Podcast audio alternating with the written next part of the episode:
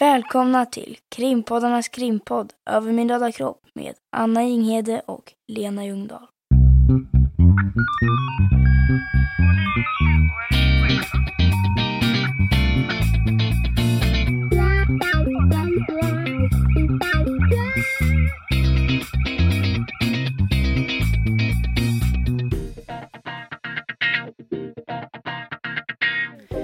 Och Lena sitter i ett rum med fyra väggar för första gången på länge. Ja, det, det känns på något sätt tryggt att ha dig i rätt miljö, så att säga. Ja, jag är hemma och vänder. Mm. Och då dänger vi in ett avsnitt. Eh, ja, vad fan, vi ska prata om penetrationstest. Det är väl ingenting att, att, att spara på? Det är väl inget att hymla om? Hade, hade, hade, du hört, hade du hört talas om penetrationstest? Nej, men vad lustigt att du frågar, för jag tänkte precis bekänna en sak. Ja. Eh, när du var med i eh, Hasse Bronténs Snutsnack Mm. så kände ju inte jag dig så väl än. Nej. Eh, och jag lyssnade ju naturligtvis med stort intresse och fick då lära mig ett nytt begrepp. Penetrationstest.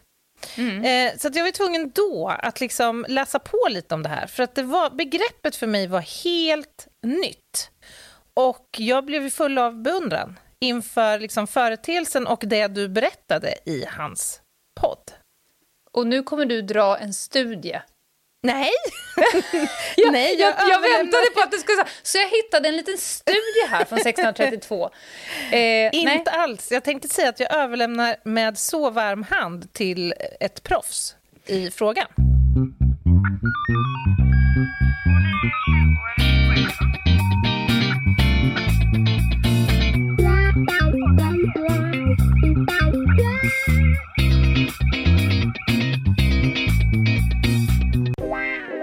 Eftersom att du inte ens har hört talas om det, som har ju varit i alla fall touchat ämnet på ett eller annat sätt i yrket. Eh, Kanske utan att du har vetat om det då, men jag tror att ganska många inte vet vad vi pratar om. Och det här är alltså en arbetsuppgift som jag har haft i tid och annan, eh, som är väldigt närbesläktad med spaning. Eh, Och andra kvaliteter som jag har helt plötsligt, eller helt enkelt, som jag kunnat utnyttja. Och vad är då ett penetrationstest? Jo, det är helt enkelt att man testar hur lätt man kan tränga in på en plats där man inte ska vara, där man helt enkelt är klassad som obehörig. Och nu sitter du och så här gubb mutterflissar. Nej. Men det finns ju ett alternativt namn för de här testerna. Kan vi inte använda det istället? Pentest. Ja. Ja, vi kan säga pentest. Nej, men, och, och det, det här kan göras... Eh, det är ju på två olika sätt kan man säga. Det kan göras på flera olika sätt. Men, men oftast så, så testar man en fysisk byggnad helt enkelt. Hur, hur snabbt det tar för mig att komma in i en byggnad. Eh, hur mycket skada jag kan göra för, för den som har beställt det. Eh, alltså, kan jag bugga ett rum? Kan jag montera upp en kamera? Kan jag sätta in ett chip i skrivaren som gör att jag får kopia på allting som skrivs ut? Kan jag fota deras hemliga eh, anteckningar? Och så vidare, och så vidare. Det är ett fysiskt penetrationstest. Sen finns det också såna här eh, i IT-miljö. och just det. de gör ju jag inte, som du kan förstå. Ja. Eftersom jag är ett jag tekniskt miffo. Att förstå. Nej, men eh, det är ju också ganska rimligt att en, en sån typ av test såklart finns. För att cyberhot måste ju vara en av vår tids liksom, stora hot mot verksamheters skydd, helt enkelt. Ja, men så är det. Och, och eh, eh, om, eh, när vi ändå är inne på det så tar jag det. Då, då, test, då testar man alltså dataintrång och cyberattacker och så vidare. Eh, Och detta sker ju i princip alla företag någon gång. Det kanske inte är så stor skada för alla och de kanske inte ens vet om det. Eh, och detta är ju oftast på grund av att man har ett riktigt kast förebyggande it-säkerhetsarbete. För att man kanske helt enkelt inte har it-säkerhet som kärnverksamhet och då är man per se dålig på ämnet. Och då undersöker man helt enkelt sårbarheten i liksom, det här, kanske det här företagets nätverk och trådlösa förbindelser och, och sådär. Och sen så utvärderar man hur snabbt ett företag eventuellt skulle upptäcka då om det är någon som har trängt in i deras IT-miljö och hur duktiga de är på att hantera det. Och då mm. gör ju de det på samma sätt som de tänker att en antagonist eller angriparen, alltså man använder samma modus. Mm. Fråga där. Ja. Eh, det finns alltså om man tar cyberhotet till exempel, så alltså tekniken och hoten kan ju vara sådana som vi ännu liksom inte känner till. Förstår du vad jag menar? Nej, kan, man liksom kan man simulera ett pentest så pass bra så att man verkligen kan känna sig trygg i att vår verksamhet är säker för fysiskt intrång eller nätintrång? Ja, men det är jättebra, för det första man gör i en sån här analys det är ju att lista ut vad är det som ska skyddas. Alltså, mm. vad är det ni ska skydda? Och vilket hot är det vi kan liksom, se sannolikt att ni skulle utsättas för? De mm. två frågorna måste man ju sätta sig och analysera lite innan, innan man eh, påbörjar intrångsförsöket. Mm. Men allting som har med it-säkerhet och så här, det är typiskt sånt avsnitt där vi behöver hjälp av en expert, för det är ju varken ditt eller mitt.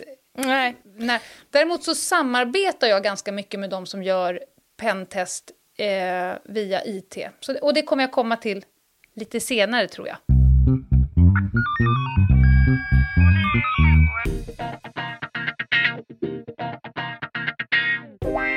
Och varför gör man det här då?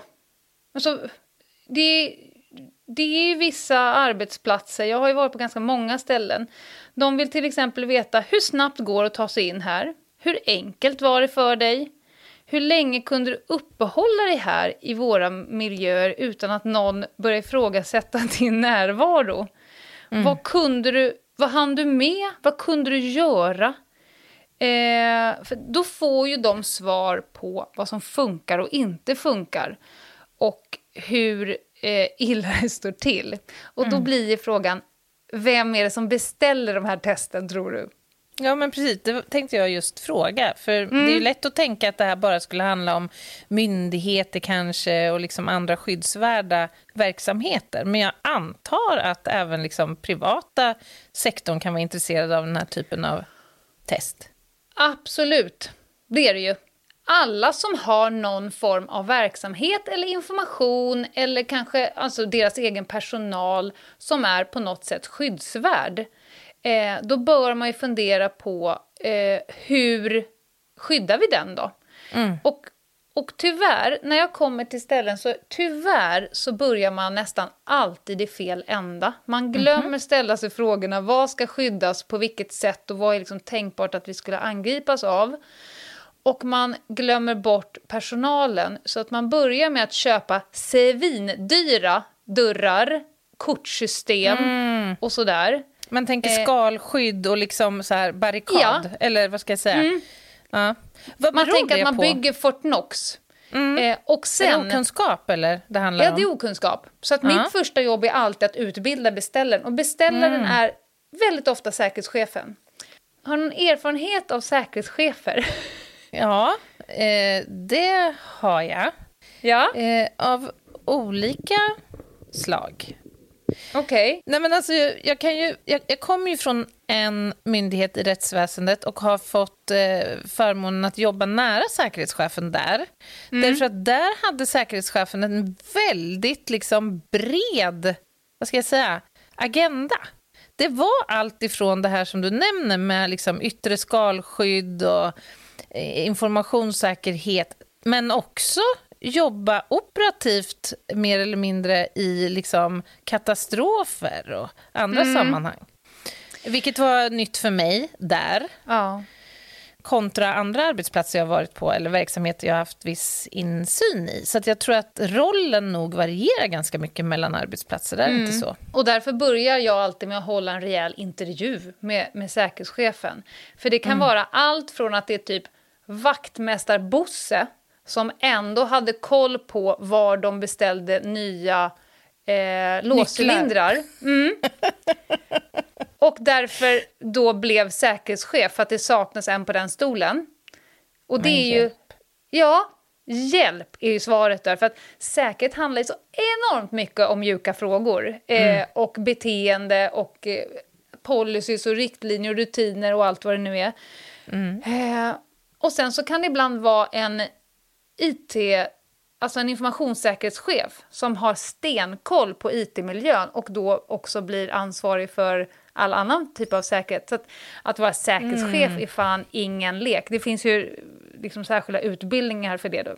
Men mm. det vanligaste exemplet är att en säkerhetschef hör av sig vill ha ett fysiskt penetrationstest för att eh, hen vill ha större budget.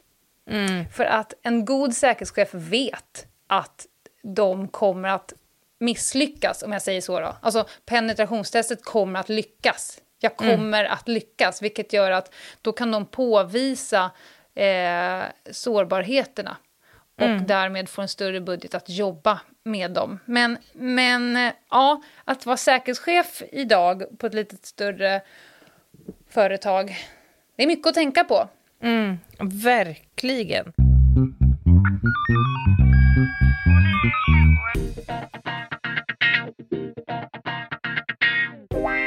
Vi kanske ska prata lite grann om vad det kan vara för typ av hot vi pratar om. Mm.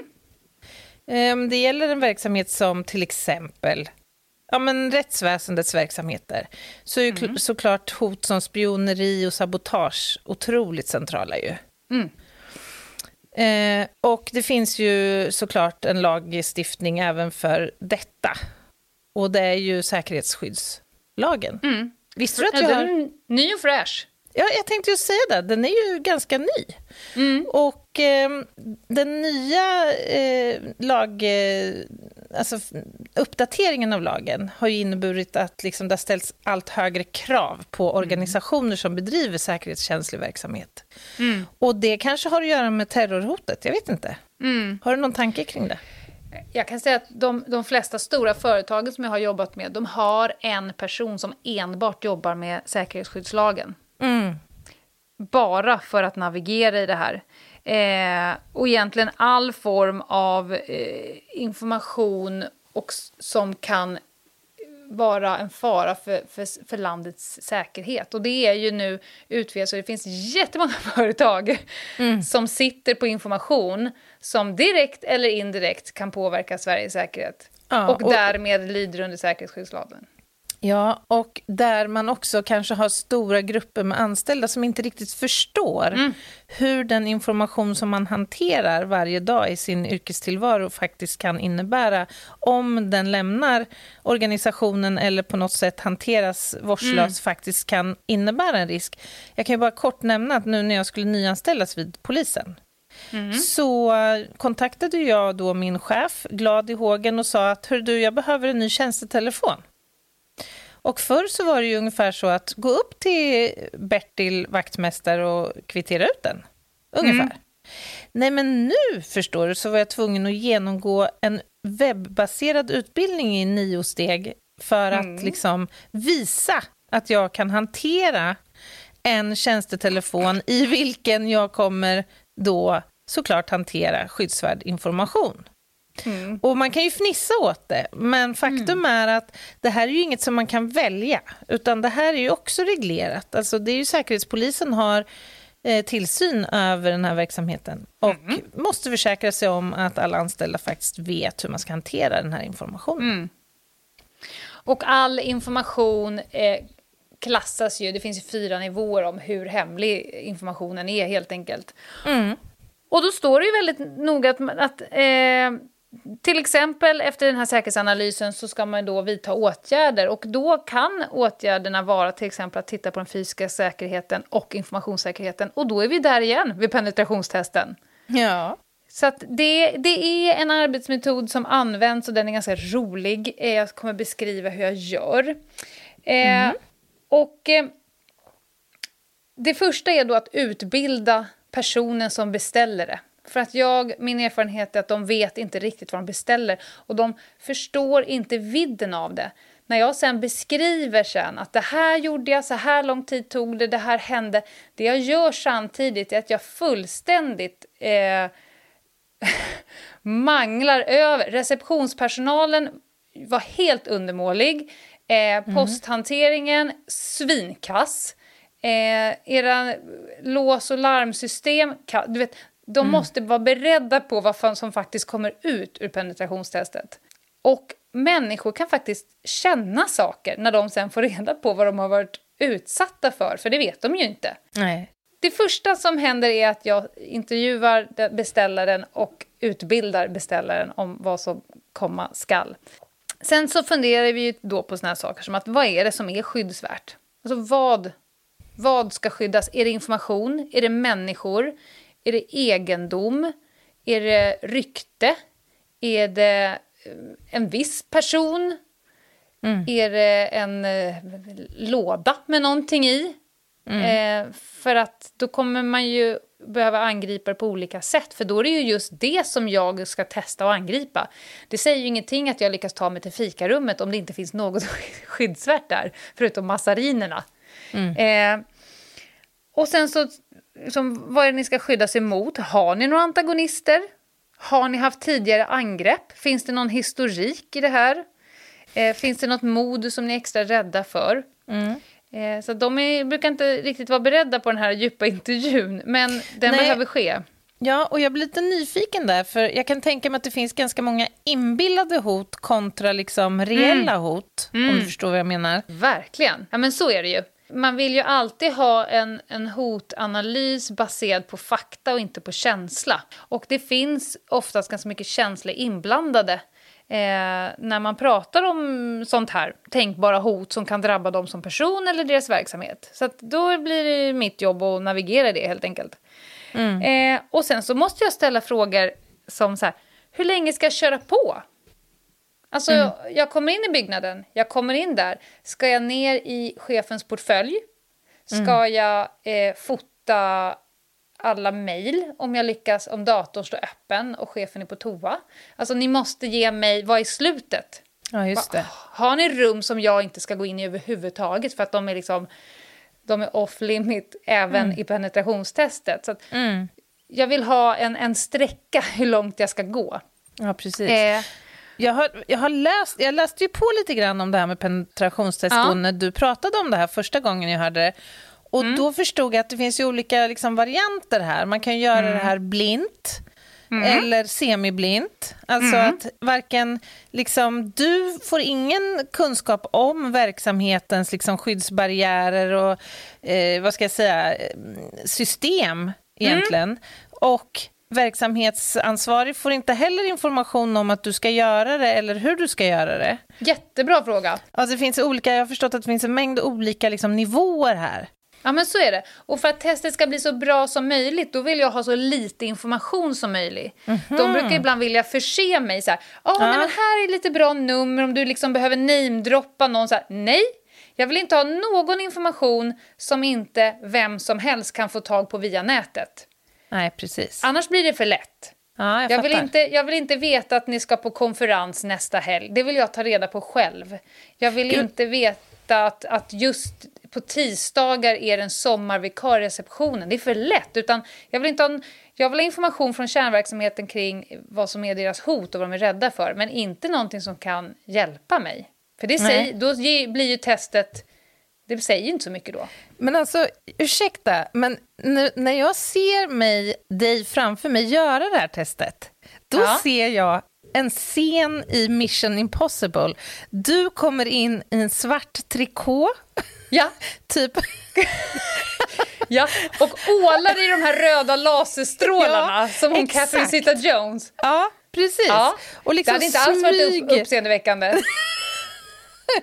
Nej, och det var väl lite det jag vill komma fram till. Alltså, det här ska ju då inte vara såklart uppseendeväckande Nej. och väcka uppmärksamhet, utan tanken är att du ska kunna liksom smält in.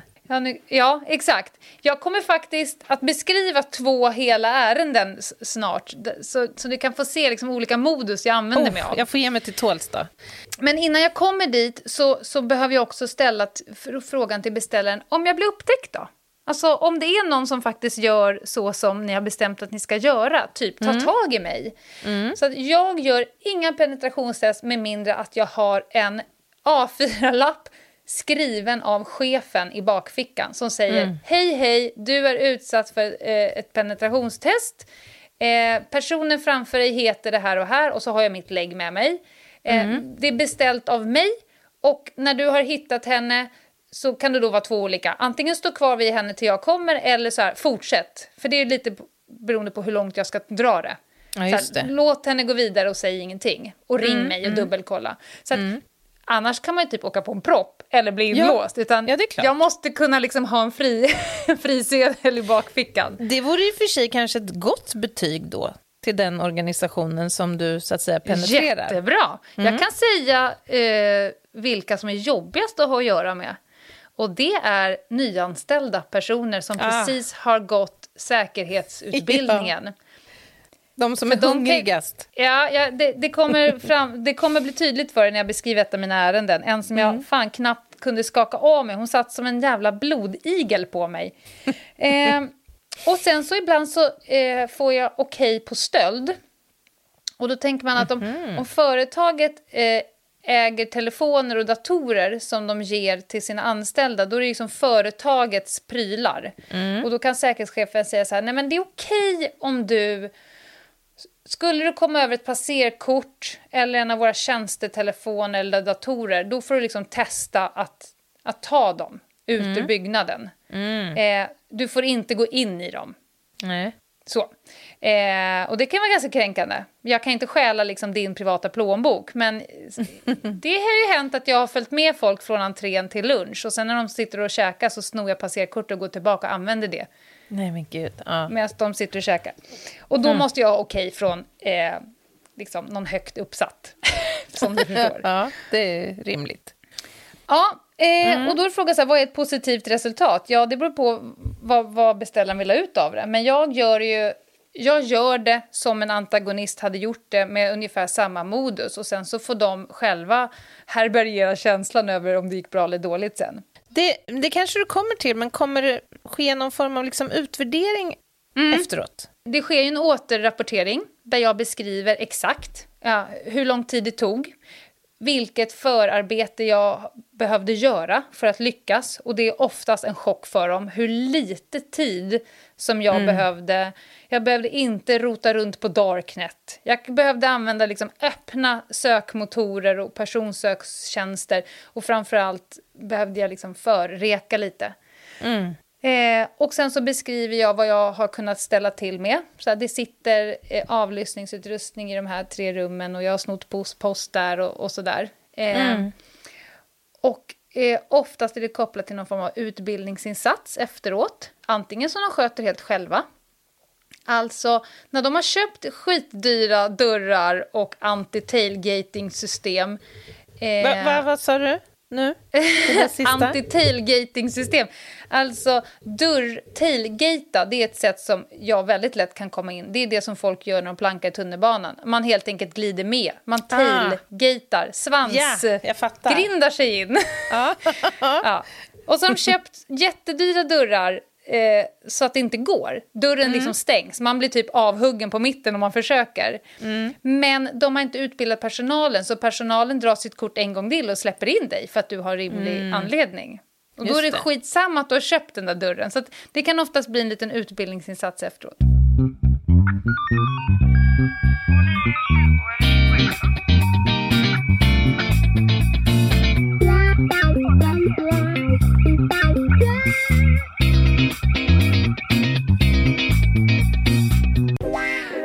Det här är alltså närbesläktat med spaning, såklart. Mm.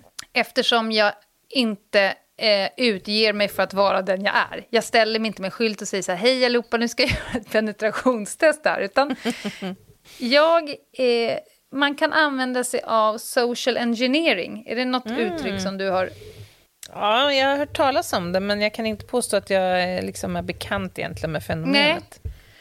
Du är förmodligen duktig på det i din relation. det handlar alltså om social manipulation. Mm, det alltså att, kan jag lite om. Jag ja, jag vet. att man utnyttjar svagheter i den mänskliga psykologin helt enkelt. Och det är ju mm. spaningens... Ju duktigare man är på det, desto duktigare är man på spaning. För om jag tänker så här, jag behöver sitta vid det här restaurangbordet för att se den där personen. Men jag mm. vill inte säga att, till de som sitter vid det här restaurangbordet att skulle jag kunna få ert bord eller skulle jag kunna få sitta mitt i den här eh, tätta tättet? Det blir lite konstigt om jag bara, never mind me, jag sitter här. Mitt i en fondue-sittning ja, exakt. hade du glidit in. Ja. Skicka du aioli när du är snäll. nej, nej. Men mm. det är då som vi spanar och använder social manipulation. Jag säger inte att det är polis, jag säger ingenting, utan jag, jag eh, skaffar mig rättigheten att sitta vid det här bordet på olika sätt. Och de mm. tycker att det är rimligt. Men, men eh, social engineering, det, det, kan man använda sig av när man gör penetrationstest. Eh, och eh, man påverkar folk att göra saker som de kanske inte hade tänkt göra. Mm. För att vi har lite svaghet i mänskliga psykologi, vi vill väldigt gärna hjälpa till. Men du ju, har ju varit inne lite grann på det här eh, i spaningsavsnittet. Mm. Men jag gissar att inte alla skulle klara av att göra ett penetrationstest eh, med Nej. de här teknikerna. För att det här måste ju handla om ganska mycket fallenhet, viss del personlighet, men också en hel del mm. erfarenhet och träning väl? Mm. Att socialt Nej, manipulera. Ja, jag skulle säga att det är inte för alla spanare att hålla på med penetrationstest, precis som du säger. Mm. Eh, det är de som är väldigt duktiga på närspaning, alltså mm. de som typ sitter i knät på objekterna mm. utan att de vet om det. Mm. De tror jag har ungefär samma fallenhet för. Så med lite träning så tror jag att de skulle bli duktiga på, på att göra det här också. Mm. Eh, man, man tvingar helt enkelt människor att utföra handlingar eller att avslöja hemliga saker utan att de fattar att de gjorde det. Genom Jaha. att vara bara jävligt härlig och trevlig. Jag kan vara det, Anna. Ja. eh, och sen finns det lite olika vari varianter av social eh, engineering. Och, eh, det finns en som heter pretexting, alltså att man målar upp ett scenario, att du är med om någonting som du inte riktigt fattar. Det finns lite så här hemska YouTube-klipp på det. Någon mm. som lyckas få ut uppgifter från någon via telefon genom att typ så här, ha en skrikande bebis på datorn. Du vet, de, man trycker på alla knappar på dig så att du mm. helt enkelt bara helt har glömt tanken på att det skulle kunna vara på ett annat sätt. Ja, och jag eh. tänker att man utnyttjar också väldigt primitiva liksom, psykologiska mekanismer hos Exakt. människor. Alltså mm. flockbeteendet och hur vi reagerar i kris mm. och andra såna här Man trycker på alla vidriga mm. knappar. Sympati, mm. empati, mm. vi skapar vi-känsla, alltså du och jag, vi mm. förstår ju det här. Man kan lägga ut lockbeten. Det finns mm. en metod som heter this for that, alltså lite så här byteshandel. Jag får det av dig, du får det av mig. Eh, skulle du kunna ge något exempel på hur, hur en sån situation skulle kunna se ut? Nej, men alltså, lock, lockbeten, det har man ju sett att det behövs inte så jädra mycket utbyte. Det är mer känslan av att jag vann någonting på det här. Mm. Och sen helt plötsligt så läcker jag någonting som jag inte borde ha gjort på telefon. Det kan vara en sån enkel sak att jag, jag lämnar ut mobilnumret till den du sökte via växeln. Mm. Fast de har en policy att de ska inte lämna ut mobilnummer. Men Precis. sen så trycker du på lite olika knappar och så helt plötsligt så har personen gjort någonting som de inte mm. ska.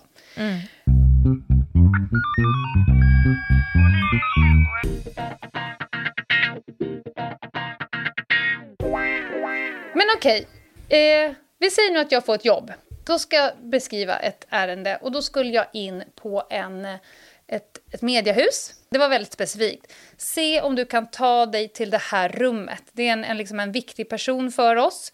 Mm. Eh, se om du kan ta dig till det här rummet, hur lång tid det tar och vad du kan göra i den här personens rum utan att bli upptäckt. Liksom hur mycket skada som du kan göra liksom, mot den här personen. Mm. Eh, det är en, ett, ett, specifikt uppdrag. Det här var en, en duktig säkerhetschef. Jag fick lappen liksom, i bakfickan direkt. Eh, det här var också ett ställe som har snurrdörrar med, som man drar passerkort. Det finns också vakter utanför snurrdörrarna. Mm. Eh, det första jag gör är att ta reda på om det är ett skyddsobjekt. Mm. Det är lite krångligare lite speciellt. då. Mm. Ja. ja men det kan jag tänka med skyddsobjekt? Ja, eller jobb, jag jobbar ju i ett skyddsobjekt.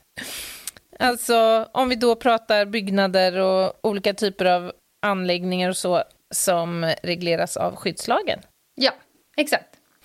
Alltså samhällsviktiga anläggningar är det ju i, till ganska stor del, men det kan ju vara posthantering och ja, men egentligen en massa olika verksamheter som ingår i totalförsvar och andra. Mm. Ja, men så, så kan det vara. Och de är ju oftast lite besvärligare. För där har de ju ofta skyddsvakter. De har liksom förhöjda behov av eh, att inte släppa in obehöriga och så vidare. Mm. Eh, är det inte ett skyddsobjekt så det, har jag ett go då. då. Eh, jag, jag går helt enkelt och sätter mig på, på plats. Inte den dagen jag tänker göra eh, försöket. Och jag gör mm. alltid flera försök på samma ställe. För att det kan vara rent flax att jag kommer in vid ett tillfälle. Så jag, jag mm. gör några stycken. Mm. Olika tidpunkter och lite sådär. Men då går jag och sätter mig och sen så börjar jag kika. Och det jag tittar på är, sker det saker vid olika tiden? tider? Finns det några flöden som jag har nytta av? Ungefär när glider folk ut på lunch? Glider de ut på lunch? Mm. Går de i klungor? Eh, vad, ha, vad bär de på? Åt vilket håll går de när de kommer ut ur porten? Vilket håll kommer de ifrån? Kan jag liksom flyta med? Vad har mm. folk på sig för någonting? Har man ytterkläder när man glider iväg på lunchen eller ska jag komma i blus? Men, men vänta, alltså, kan det här innebära att du kan parkera dig på en plats liksom, tre dagar innan själva penetrationstestet? Gud ja! Alltså det här är en lång process. Det här är inget ja. som du liksom... Ja. Nej, jag sitter inte så länge, men jag kan gå dit flera gånger och mm. liksom kika på eh, men alltså dynamiken i entrén. För att eh, de kanske tänker så här, kommer en antagonist som ska in och plocka den här personen då, då kommer det vara någon liksom svart luva, någon guldkedjor typ någon så här spindel tatuerad i pannan. Det är mm. mest troligt inte den personen som eh, angriparen kommer välja. För de kommer ju vilja lyckas med sitt uppdrag. Mm. Så de kommer mm. göra exakt som jag gör. Googla lite, ta någon liksom, informationsbroschyr, sitta där och hålla lite koll. Eh, tills jag har bestämt mig för att säga, ja, nej men i det här fallet så såg jag att bredvid snurrdörrarna så fanns det en, en till dörr eftersom mediafolk har så himla mycket utrustning med sig. Fotografer kom inte in genom en snurrdörr. Så då har de ju fått bygga snurrdörrar och så tog de en extra dörr bredvid. Mm. Och genom den så kom fruktvagnen och fotograferna och den dörren var också sådär så att när den väl hade åkt upp då stod den uppe i 40 sekunder. Mm -hmm. Vem stannar kvar och tittar så att den där går i lås mm. bakom dig? Ja, Cirka noll personer mm. gör ju det. Så det var ett av mina... Men sen så var det ju då flera slussar in. Så det var tre slussar för att komma in på det våningsplanet där jag skulle in. Och vid mm. samtliga tillfällen så kom jag in på grund av att jag utnyttjade personer som jobbade byggnaden. Och då ska mm. man veta att de har utbildning, de vet att de inte ska släppa in folk, de vet att har du själv glömt passerkortet så ska du inte ens fråga någon annan utan du ska gå ner till ett annat ställe och liksom begära ut få ett extra mm. med mm. lägg och så vidare. Men med all den kunskapen, ser man rimlig ut, gör man rimliga saker och ser ut som en person som har ett rimligt ärende, då blir mm. du insläppt. Men alltså, handlar det här om människors extrem... Alltså, är människor extremt godtrogna? Mm. Eller? Snälla! Ja, är det det det handlar om? De tänker att det kunde varit jag. Mm. Står jag där i, liksom, i en klädsel som ser ut som att jag ska vara där, jag har tre pärmar på ena armen, jag har en sån här latteburk på andra armen, eh, har ett stressat ansiktsuttryck, eh, kommer från rätt håll vid rätt tidpunkt. Då tänker de att det där hade ju kunnat varit jag, fan vad krångligt, släpper in, mm. ingen mm. skada skedd. Ja, det slår an en sträng liksom. Såklart. Man vill hjälpa och så, till. Och så, så är ju mitt jobb att slå an rätt sträng mm. varje gång. Och det är ju olika personer som står i dörren, så jag får ju liksom byta modus beroende på vem som håller i dörrfan ja, som jag ska det. in i. Mm. Eh, och sen så när jag kom in på det här stället och då vill ju ibland säga, ah, men då kommer du komma in där och då har du det här rummet. Nej, det är sånt som jag absolut inte vill veta. För det kommer inte personen veta som är antagonist. Nej, Nej. Då kommer man in där och det börjar liksom strömma människor. Jag tänker så här, jag undrar vad fan jag ska någonstans. Mm. Och då får man ju helt enkelt bete sig på ett sånt sätt eh, så att ingen uppmärksammar en. Mm. Eh, jag har en grej att jag brukar oftast söka upp toaletten för att jag Mm. behöver göra ett mentalt omtag. Jag behöver vara i fred med mig själv. Så jag går alltid och låser in mig på toaletten en liten stund. Eh, ta några djupa andetag, se till att ingenting ser konstigt ut, gör en plan. Eh, Blir man nervös? Eh, nej, inte nervös, men en viss anspänning är det ju. Mm, mm. Fast mer en sån liten så här skräckblandad förtjusning. Så här, det blir Gud. lite tävlings... Det här är ju ett... Det här är ju en kategori som jag borde vara bra på. Och jag har ju sagt så här, när jag spelar kubb är jag ingen tävlingsmänniska, men jag blir lite så här, jag ska fan lyckas. Ja. För så kommer ju antagonisten tänka, för de har ju ändå något att förlora. De kan ju åka Ja. fast. Ja. Jag har ju inget sånt där... Jag kan Nej. inte torska någonting, Nej, mer än att det inte Det ligger inget i den andra vågskålen. Liksom. Nej. Men, men om det inte går så är det ett lika bra svar till dem. Då kan jag ju säga i min rapport att ni har liksom ett robust ringskydd. Eh, Ja. ja. ja. Det var så, en sån dag bara. Jag visste att du skulle... Ja. Men alltså, ja, ett robust ringskydd vill man ha. Det är Ja, det vill väldigt man ha. Då går man in där eh, och sen så helt enkelt så såg jag två personer och tänkte ah, jag, har, jag har framgång med de där två. Så jag glider fram till två personer och säger hej hej och sen så har jag en rimlig story. Och det enda är att jag vill bli ledd till rätt rum. Och de bara ja, nej men hen är nog inte eh, här just nu men du kan ju vänta. Så att jag går in och sätter mig vid skrivbordet. Jag har datorn uppfälld framför mig. Eh, portföljen där. Så att jag började vet, med min telefon så här, fota lite papper som ligger på bordet. Och du vet sådär, ta någon Gud, post. alltså. Det roliga är att han som har beställt alltihopa, Ja. han sitter i ditt öppet landskap. Han sitter ju en bit bort. Ja, och ser dig. Ja, och han, alltså, han, han, han sitter med handen, alltså med pannan i handen och bara så här... Fan.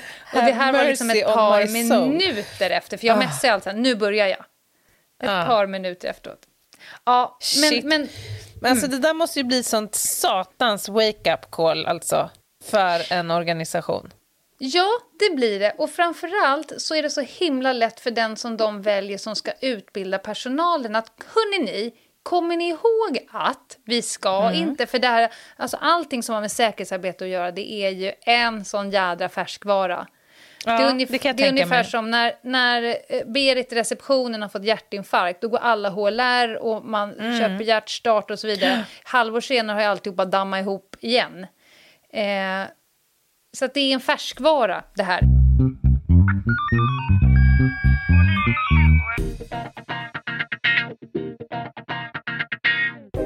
Det andra caset var lite annorlunda. För, det, för det, på det här första stället där skulle inte jag vara någonstans. Det var liksom dörr... Jag var obehörig precis från gatan kan man säga. Det andra stället var en trevåningsbyggnad eh, där första våningen var öppen för, för allmänheten. Inte helt öppen, men man kan liksom boka lite möten och sådär. Och då var vi två personer som skulle göra Då valde vi två olika modus. Eh, så min kollega klädde ut sig till hantverkare Smart. och glid, glider fram till receptionen. Tjena, tjena, jag ska kolla ballofixerna eller något. det gäller ju att välja ett modus som man kan backa upp. Jag har ju svårare att leka mullemäck. det gäller att vara trovärdig, trodde jag du skulle Exakt. säga. Jo, men det är ju det. Det gäller ju att vara trovärdig. Jag hade inte valt hantverkarlucken på grund av att Nej. så. Mm. Eh, Medan jag konstaterar ganska snabbt att det pågår något här idag. Det är väldigt mycket, det ser ut att vara väldigt mycket... Eh, säg att det var kanske besök från andra Sverigekontor där den dagen. Det var liksom stort flöde. Så att jag gled helt enkelt med dem ut när de gick på lunch. Eh, Ah. och sen så befann jag mig på samma ställe vid, vid lunchen, eh, snodde ett passerkort, eh, gick tillbaka och sen så uppehöll jag mig. Jag, jag, man kan identifiera vissa viktiga personer och oftast är det, om det finns en reception, då är de ganska viktiga. Om jag kan få dem att okeja min närvaro, Alltså jag har varit på Att det plats så pass... sanktioneras att du är där. Exakt! Exakt, så att om, om jag kan vara där så pass länge så att de köper att jag lurkar runt i korridorerna ganska planlöst, då kommer liksom de andra människorna titta på dem som att så här, eh, jaha, och sen så gör inte de någonting, då är det Nej, liksom precis. okejat. Så det lyckades jag med. Så då gick jag in och sen så snodde jag massa post. Och sen så buggade jag eh, några rum. Och sen så satte jag in en eh, perm med en kamera i, i fönstret på ett rum där de har väldigt känsliga möten.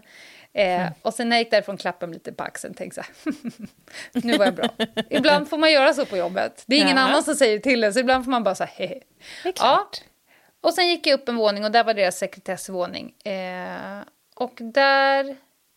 Jag var inne två gånger. Första gången så gled jag bara in efter en rökare. Dörren gick liksom inte... Jag satte in foten och gled in lite senare.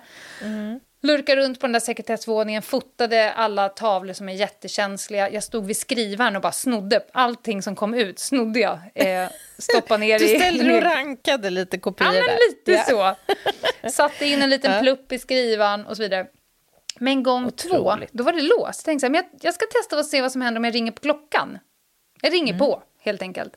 Och då öppnar en tjej dörren. Och jag åkte på fan första gradens läxförhör. Jaha, Jaha. vem är du?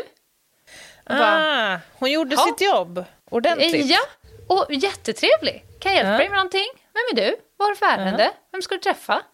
Eh, har du varit via receptionen? Varför har du inte skrivit in dig? Jag bara, men dra åt skogen. Så att jag fick verkligen kämpa där. Men, Gud, men blir det jag, inte jättesvårt liksom att hålla masken då? Jag hade ju börjat fnissa eller någonting tror jag. nej, men jag har Jaså, ju... skriva in mig säger du? ja, när du Ja, säger jag- det, det har jag ju inte gjort nej.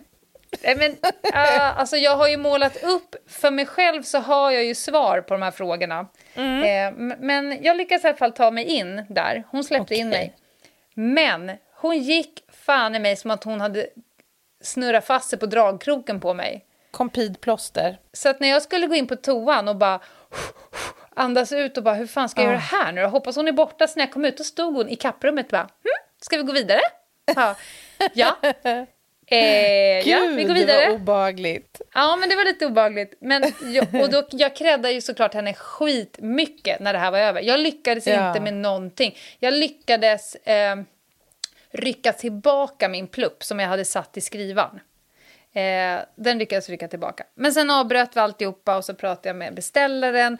Och så var det så roligt att jag skulle gå in och hämta min kamera som satt i det här Ja, mötesrummet. det. Men jag tänkte att det är inget att avslöja, så jag bara knackade på så här. Och då var det ju något sånt där hemligt möte som pågick. Ja. Nu är ju såklart inte kameran igång. Nej, nej. Jag har ingen nytta av att liksom höra, men, men bara att säga att jag skulle kunna om jag ville. Så knackar jag på. Eh, jag ska bara hämta min perm här som jag glömde vid förra mötet. Och då vänder han sig om och så tar han liksom min kamera åt mig och bara ah, “var är den här?” Jag bara ah. “tack ska du ha, tack”. Hej! Lille vän. ja. Ja. Nej, men... Eh, så om det, vad som är positivt negativt, det får ju liksom beställaren avgöra. Jag gör ju bara med den informationen som jag har eh, och jobbar på så långt som de vill att man ska jobba på. Men oftast så blir ju resultatet utbildningsinsatser, eventuella inköp, men inte så jädra många inköp som de tror. Det handlar Nej. mycket mer om eh, utbilda personalen. Vad ska vi göra med obehöriga? Eh, man kan koppla på vad som helst. Man kan koppla på hot och våldsutbildningar, konflikthantering, reception. Man kan koppla på vad som helst, nästan. Eh, men, och jag brukar säga att det kan faktiskt väcka känslor av att få reda på att ett, jag har gjort ett dåligt jobb. Mm, det är klart. Alltså jag, och två, jag befinner mig på en arbetsplats som läcker som ett såll. Vilket typ alla gör. Ja, men det finns ju sårbarheter i alla verksamheter. Mm. Såväl fysiska som psykologiska som sociala som, vad vet jag, andra.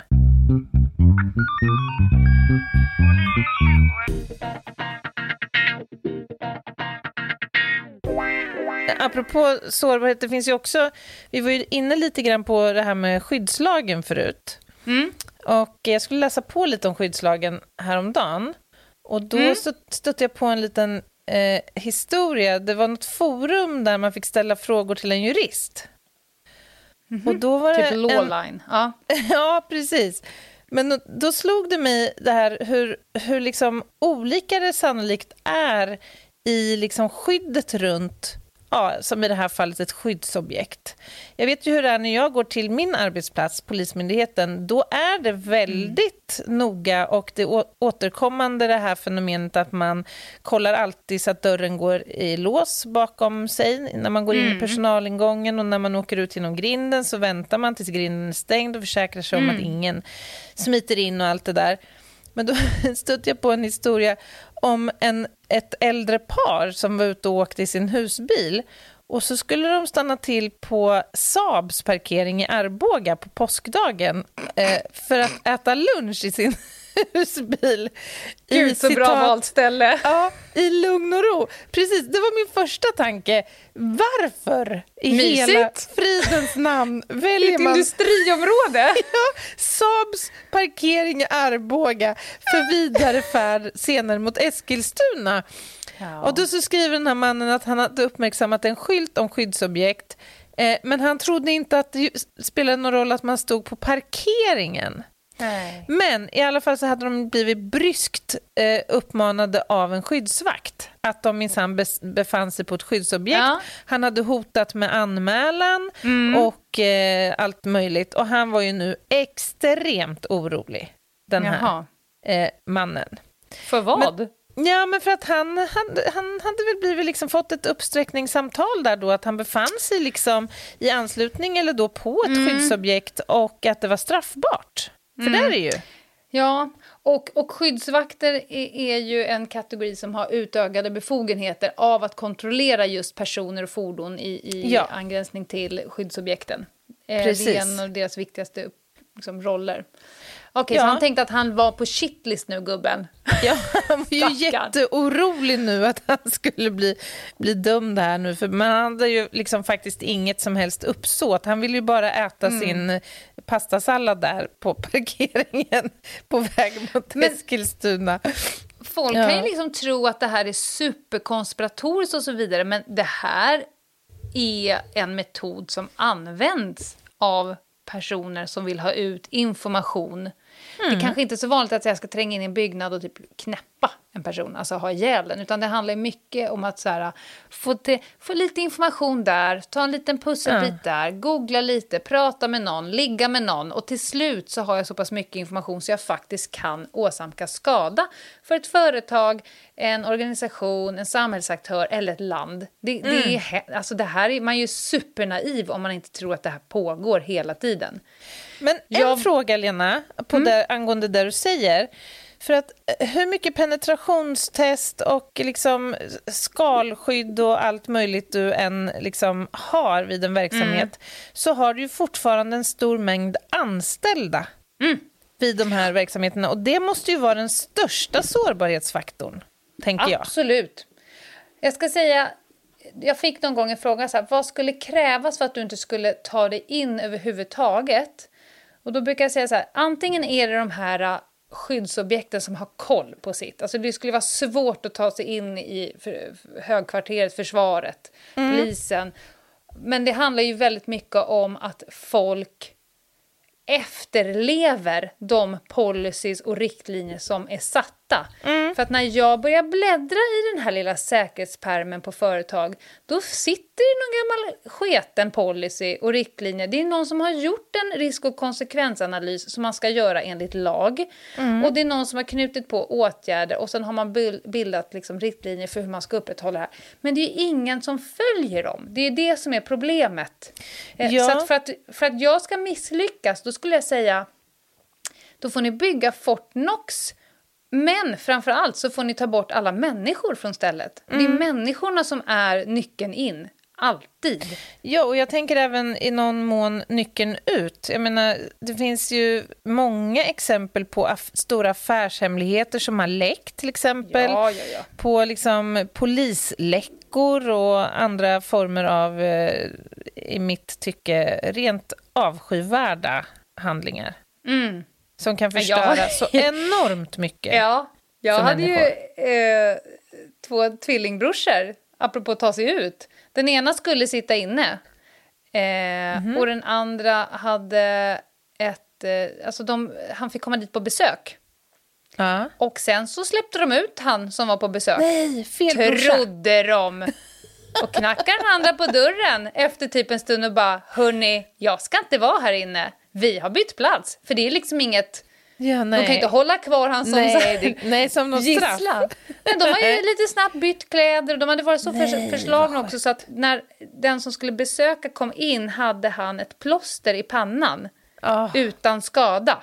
Ja, så den smart. bytte de ju bara. Det var ju skitsmart. Ja, det tog ju uppmärk drog uppmärksamheten dit ju, till plåstret såklart. De utnyttjade svagheterna i mänskliga psykologin. De var ja. på med social engineering helt enkelt. Verkligen. Men jag ska, en gång skulle jag på lunch på ett, ett eh, skyddsobjekt där det är, man kan säga ordning och reda. Mm. Och när jag gick dit så mötte jag en man som jag själv reagerade på. Han, mm.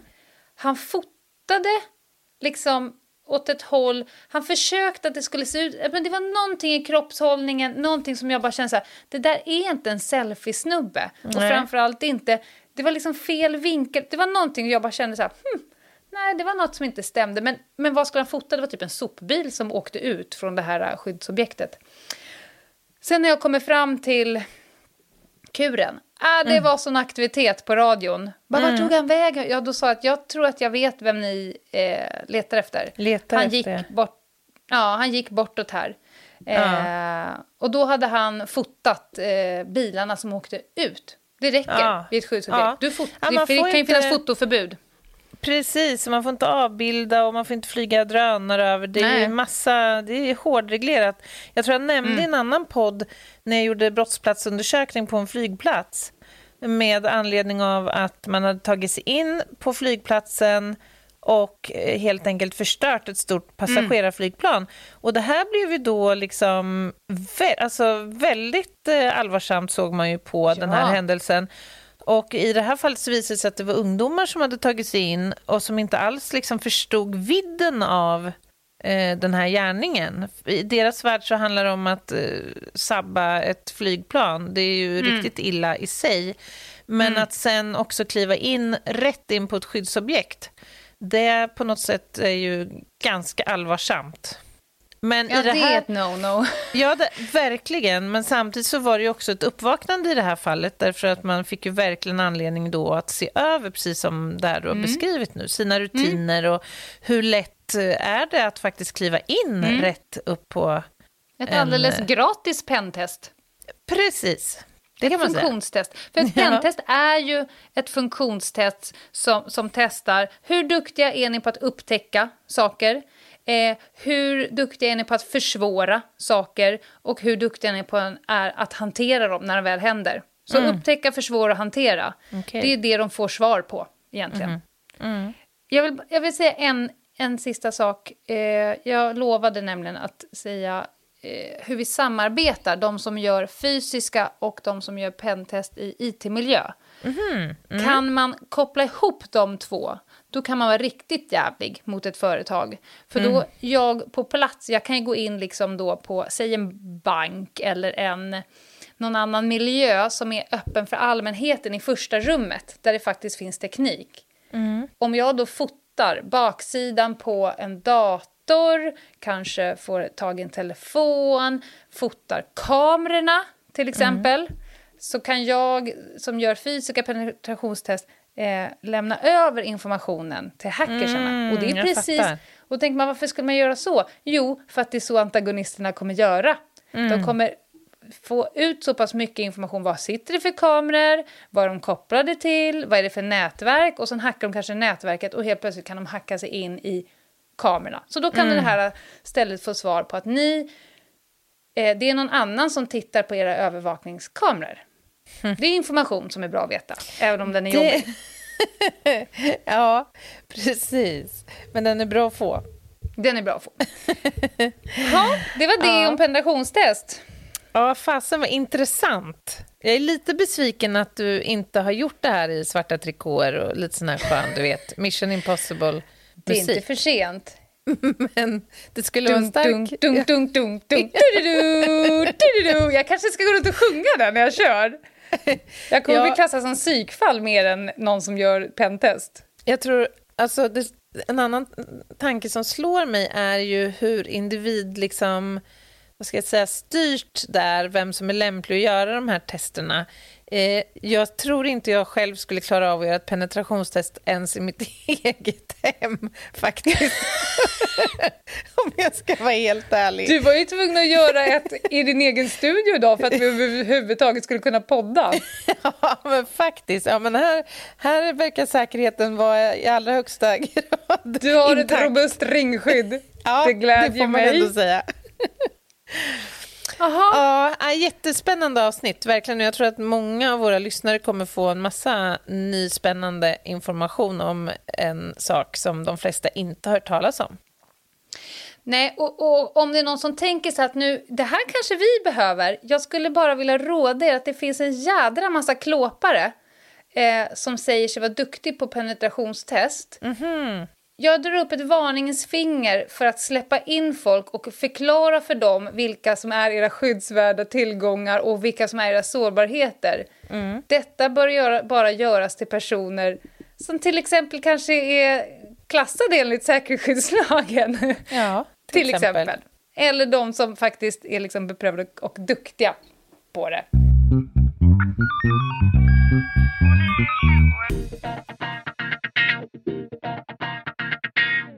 Men, men det här är väl en sak som ligger i tiden, tänker jag. Alltså att det finns en, det har växt en marknad eh, kring det här utifrån någon form av behov eller efterfrågan i takt med att människor upplever sig allt mer otrygga Ja. av terrorhotet och Ja. liksom allt det här som sker i världen. Jag ska säga att jag säger väldigt ofta till personer att de inte behöver ett penetrationstest också, utan att de kanske ska börja med att göra en risk och konsekvensanalys, ha en säkerhetsutbildning, jobba med deras egna säkerhetskultur och så vidare, och sen plussa på med ett pentest eller en svepning kan vi ju prata om också. Oj. Försöka... Det lät Ja. ju väldigt allvarligt. En svepning? Ja, det är inte så jävla allvarligt. Man går helt enkelt in och med väldigt avancerad teknisk utrustning söker av ett område och ser om det finns någon teknisk utrustning i det. Okej. Ah, ja, det som tänkte- görs typ i, så här, i Trumps rum varje dag innan han kommer in så att ingen har varit där och placerat någonting. Det är en Ah. svepning. Aha, okej. Det är ingenting som hör, hör hemma i obduktionsmiljö alltså? Nej. Nej. Nej. Ja, jag fattar. Jag tänkte så här, att ska vi inte runda av med en liten veckans lista? Veckans lista. Gud, har du en sån på det här ämnet? Ja, jag har försökt. Jag har Men försökt. gud, jag lutar Och mig tillbaks. Vi kör en veckans lista eh, på lite olika typer av säkerhetsrisker och ja, säkerhet. Jag älskar det. Mm. Plats nummer fem. Det här handlar om en, någon form av risk som jag tror att väldigt många kan relatera till. Du har suttit där i ditt anletes svett och skrivit din masteruppsats om 47 sidor. Och helt plötsligt så blåskärmar din dator. Mm. All information är borta. Mm. Alltså, vet du hur många det är som aldrig gör säkerhetskopior av sina bilder och arbetsdokument på sin dator? Gud, Anna, du har mig här så jävla hårt. Så jävla hårt. Ja, jag var rädd för det. Skärp dig! Men Gör i boken backup. måste jag säga, vi har ju, vi har ju ordnung på vår Ja, det har vi. bokpapper. Vi har ordning. Fy fan vad mycket timmar investerat i den här jävla boken. Så där finns det, den är ju kopierad i 3000x. Och versioner. Ja, det är i alla fall, alltså det, man har gjort lite undersökningar på det här. Ja. Och ungefär 50% av dataanvändare, datoranvändare gör inte säkerhetskopior av bilder och ja, dokument. Gud vilken ångest. Ja, Så det här är en liten reminder också på plats nummer jag måste fem. lägga på nu, jag ska gå och säkerhetskopiera. jag fattar. Du kommer ju ranka allt. Du kommer ju, du kommer ju ta ut allt på ett USB och tjoffa in i en skrivare och sen skriva ut allt på papper. Det är ju liksom Jag kommer sätta upp det på min flanellograf jag har här på väggen. ja. Ja. Ja, plats nummer fyra. Visste du, Lena, alltså, så här, när du är ute och flyger, lyssnar du på um, säkerhetsgenomgången då? ja. Ja, du gör det. Mm. Hur tänker du kring den, att den här lilla masken som kommer att frigöras vid eh, ett eh, tryckfall i kabinen kommer att hjälpa dig till överlevnad? Har du tänkt så? Att nu måste jag se hur man gör för att trä på sig masken över huvudet. Jag har till och med testat. Och när Mm. de visar hur bältet funkar så gör jag det samtidigt på mig. Ja, okej. Av den Då- enkla att jag vet hur hjärnan funkar. Mm, mm, Jag förstår. Då kanske den här informationen kommer göra dig bes- lite besviken. Det finns nämligen inte ett exempel på att de där maskerna någonsin har räddat ett enda liv vid flygincidenter. Det är som Men- att Heimlich aldrig gjorde Heimlichs manöver. Ja. Det är också jobbigt. Å andra sidan så är det aldrig någon heller som har eh, dött på grund Av av att att de har funnits där. Så att det finns Nej. lite olika takes på just... Eh, Men vet du varför jag fipplar med bältet? nej. Därför att jag fick lära mig att det fanns flera personer som har, eh, när plan har gått i backen och börjat brinna, att de Ja. har brunnit upp för att de kommer inte loss, för att de har suttit och letat efter bilbältet Ja, efter, på precis. Mm. höger höft. De har liksom, det finns inte lagrat i hjärnan att knappen är mitt på magen, så de hade inte behövt brinna upp. Jag har hört den där faktiskt informationen också. Det är så ju... att därav lyssnar jag varje gång. Det är inte för att flygvärdinnorna tittar på så fy fan vad puckade de är på rad 14, så de kommer aldrig lista ut hur det här bältet funkar. Hörru, Stewart, nu kör vi, vi måste visa. Nej. Ja, det är bra. Jaha, okej, ja. Okej, plats nummer tre. Vi stannar kvar lite grann uppe i luften. Vad har vi för form på fönstren i flygplan av idag? Oj, de är lite som en katedral. De är lite rundade upp till och lite Ja. platta ner till. Ja, de är ju, det är ju runda hörn på dem så att säga. Alltså, det finns Ja. inga hörn längre. De, hörnen har ersatts av liksom, ja, ovaler skulle man kunna säga. Men i flygets alltså, tidigare historia, det är inte så liksom, många decennier sedan, då hade man faktiskt fyrkantiga fönster. Eh, men det visade sig att när, i takt med att liksom, tekniken utvecklades och flygplanen eh, flö, kunde flyga fortare, då blev de här fönstren farliga. Eh, och det, de orsakade också ett antal eh, flygolyckor. Och det tog eh, ganska lång tid innan man liksom förstod att det handlade om fönsterformen. Eh, för att de blev så himla känsliga för tryck när eh, hastigheterna ökade. Och eh, då gick de sönder och orsakade ett tryckfall i kabinen och sen kunde det bli riktigt obra. Shit. Oskön flygning, så att säga. fysiker som kläckte den. Så att runda fönster vill vi ha. Okej, ja. Okej, plats nummer två. Men vänta, stopp här nu. Jaha. Om du hoppar på ett flyg som har fyrkantiga fönster, kommer du säga till? Eller kommer du beställa en GT? En jinkatonka? Jag kommer göra det i ordningen. Först beställa en jinkatonka, sen kommer jag fråga eh, kocken, höll jag på att säga. Det kommer jag inte säga. Jag kommer Nej. fråga piloten, hur fort går det här flygplanet? Okej, eh, plats nummer två. Det är ju inte bara terror och spionage och cyberattacker som är liksom potentiella hot. Eh, även koko Va? kokosnötter. Okej. Du tänker, va? Ja, ja. Nej, jag, jag sitter still och väntar här. Ja, men det här, det här är bra. Jag, jag har något bra här på, Ja, jag på plats det, att du nummer är så två. jävla taggad. Ja, men det här Ja. tycker jag är faktiskt väldigt rolig information. Visste du att när Barack Obama eh, har varit ute på sina flygturer, Ja. eh, bland annat till Indien, då såg man till att plocka ner alla kokosnötter i träd som han riskerade att gå, eller palmer då, träd som han riskerade att gå under. Ja, det var inte alla i alla Indien. De hade ett begränsat utrymme, eller avgränsat har- liksom, område. Ja, jo, det utgår jag nästan ifrån. Det är inte så att, att liksom man lider kokosnötsbrist i Men vissa gud. delar av världen på grund av den am- amerikanska presidentens framfart. Jävla arbetsuppgift ändå. Man vet Ja. ju att det lagas ganska mycket mat och sen så tar man ju en random plate till en skyddsvärd person. Ja. Det, det vet man ju för att man är rädd för förgiftning. Ja. Men att bara så här, kan du skägga ut nu, eh, Gunnar, och bara ta ner alla kokosnötter mellan här och Calcutta, är du snäll? Utifall att Barack ska ta en liten morgonpromenad. Jag vet, det är så Då har man ju tagit risk, och riskanalysen har man ju tagit till en helt underbar nivå.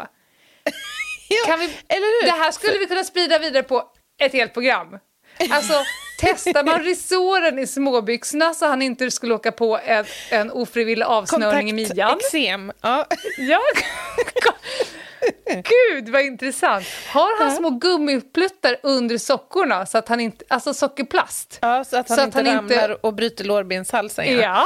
Jo, för att jag tänker att här har man ju inte slarvat med säkerheten kring Äh, skyddsobjektet, så att säga. Ja. Han, är det så att de har såna här rundade hörn på skrivbordet också? Och såna här saker. Fast för Trump då måste man nog sätta såna där i kontakten också så att han inte pillar in slickar i kontakten. Ja, fan, när jag tänker efter så är det ju nästan en kränkning mot honom. Alltså det är ju kanske att så här hålla Att honom han inte ska lite... slicka i kontakten. Ja. Ja, men faktiskt. Jag undrar lite hur skyddet kring Trump ser ut. Men det kanske vi ska prata om i en annan podd. Ja, det får vi göra en annan Ja, gång. det får vi göra. Okej, plats nummer ett. Och nu tänkte jag att vi måste avsluta med en äkta form av penetrationstest. Ja. Vi är åter på flygplan. Jag vet inte varför det blev så mycket flygplan den här veckan. Men du vet hur det kan vara på flygplan. Det är trångt och det är bakterier och eh, magsjuka kan det vara. Eh, Det, det, det finns Det är vidrigt på flygplan. Ja, det är ganska, det är ganska Ja. äckligt. Absolut. Ändå så anses ju liksom flygresor på väldigt hög höjd som en av de mest attraktiva platserna i tillvaron. Du har väl hört talas om 10 000 metersklubben såklart? Har hört talas om den, är inte med. Och Jag kan tänker inte överhuvudtaget förstå. Nej, men det sägs att Ja. eh, begreppet myntades 1916 i samband med att en 21-årig pilot som hette Lawrence Burst Sperry undervisade en kvinnlig adept i flygning. Och det här var då över New York. Och nu, nu bar det sig så illa så att det här planet kraschade utanför Long Island. Paret räddades. Men när de påträffades så var de helt nakna. Eh, och de skyllde då på att den här kollisionen hade slitit sönder deras kläder. Eh, och det här var ju något som man inte riktigt eh, ville köpa. Och då myntades, eh, sägs det då, t- 10 000 meters eh, klubben. Och då kan man ju fundera på, hur är det med klubben? Hur stor är den? Hur många kan tänka sig att idka älskog på en flygplanstoalett som är både trång, bakteriell och en ren sanitär olägenhet många gånger? Och överhuvudtaget, att bara komma in två personer där är ju en bedrift. På toan, Ja, jag kan säga att jag har utvecklat ett system så att jag kan gå, jag kan gå in på toaletten, jag kan så lämna min sittplats, jag kan gå in på toaletten, eh, göra det jag ska, tvätta mina händer ja. och gå ut från toaletten och inte ha berört en, ett enda dött ting. Och det är bra gjort. fan i mig knappt mig själv heller, skulle jag Nej. säga. Eftersom jag själv är så jävla äcklig, eftersom jag har suttit i ett flygplanssäte. Mm. Ja, men man är inte fräsch. Så är det ju. Mm, Nej, det är man inte. Men det finns undersökningar på detta. Ja. ja. Och det varierar lite från land till land. Alltså, regeln är ju då att du ska ha varit uppe på 10 000 meter när det här skulle ha skett. Och, och studier varierar mellan 2 och 3 procent till upp till kanske 20 procent av Ja, det måste de, vara britterna. Ja, det, det förtäller inte historien. Eller Ah, okej. det, det gör det väl, men ja. Du förstår poängen. Men, och Mm. då räknar jag lite grann på det här. Låt säga, låt säga att en halv procent av eh, svarande i en undersökning uppger att de har gjort det. En halv, det är ändå liksom rimligt. De säger Ja. att de har gjort det på 10 000 meters höjd. Ja. Och då om man betänker att ungefär 3 miljarder människor i världen flyger varje år ja. då skulle det ändå innebära att 150 miljoner sex, sexakter, 150 miljoner ligg genomförs på flygplan varje år. Det är ju hisnande ändå. Har du hittat någon liknande studie på kryssning? Nej, men det här, jag tycker det är så äckligt. Alltså 150 miljoner, Lena. Ja, det är det, hisnande. är, alltså, det, det är något. Det är något. Det är något. Ja. ja, det var vad jag hade att bjuda på. Ja. Jag skulle ju avråda. Det verkar jättefarligt, tycker jag, det där. Och Jag skulle avråda bara. att klä av sig naken på flyg, för då störtar planet. Det var väl det som vi lärde oss? Ja, det var den stora Mm. lärdomen. Absolut.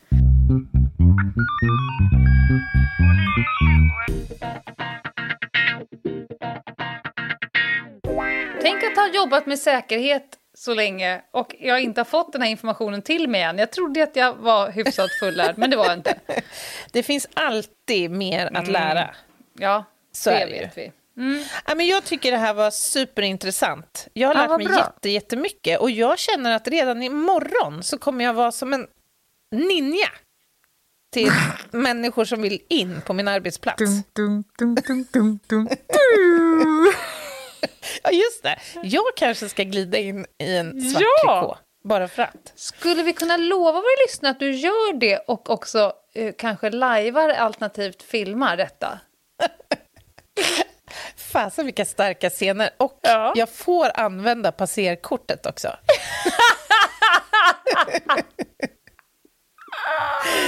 ja, det är otroligt Ja. kul. Ja. Nej, men skämt åsido. Eh, det här var torsdagsavsnittet. På Yes. måndag kommer vi ju smacka ut en ny spaning. Det kommer vi. Och i väntan på måndag så kan man ju glida in på Instagram, på Ljungdahl och Ginghede.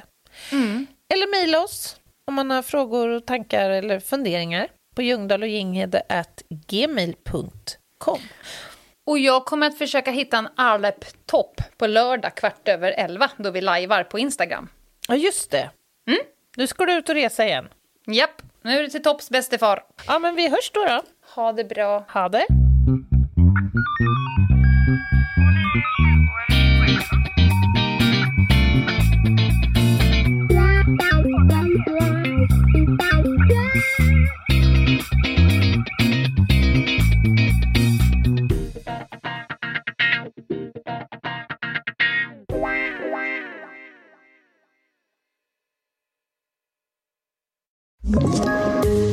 Poddtips från Podplay.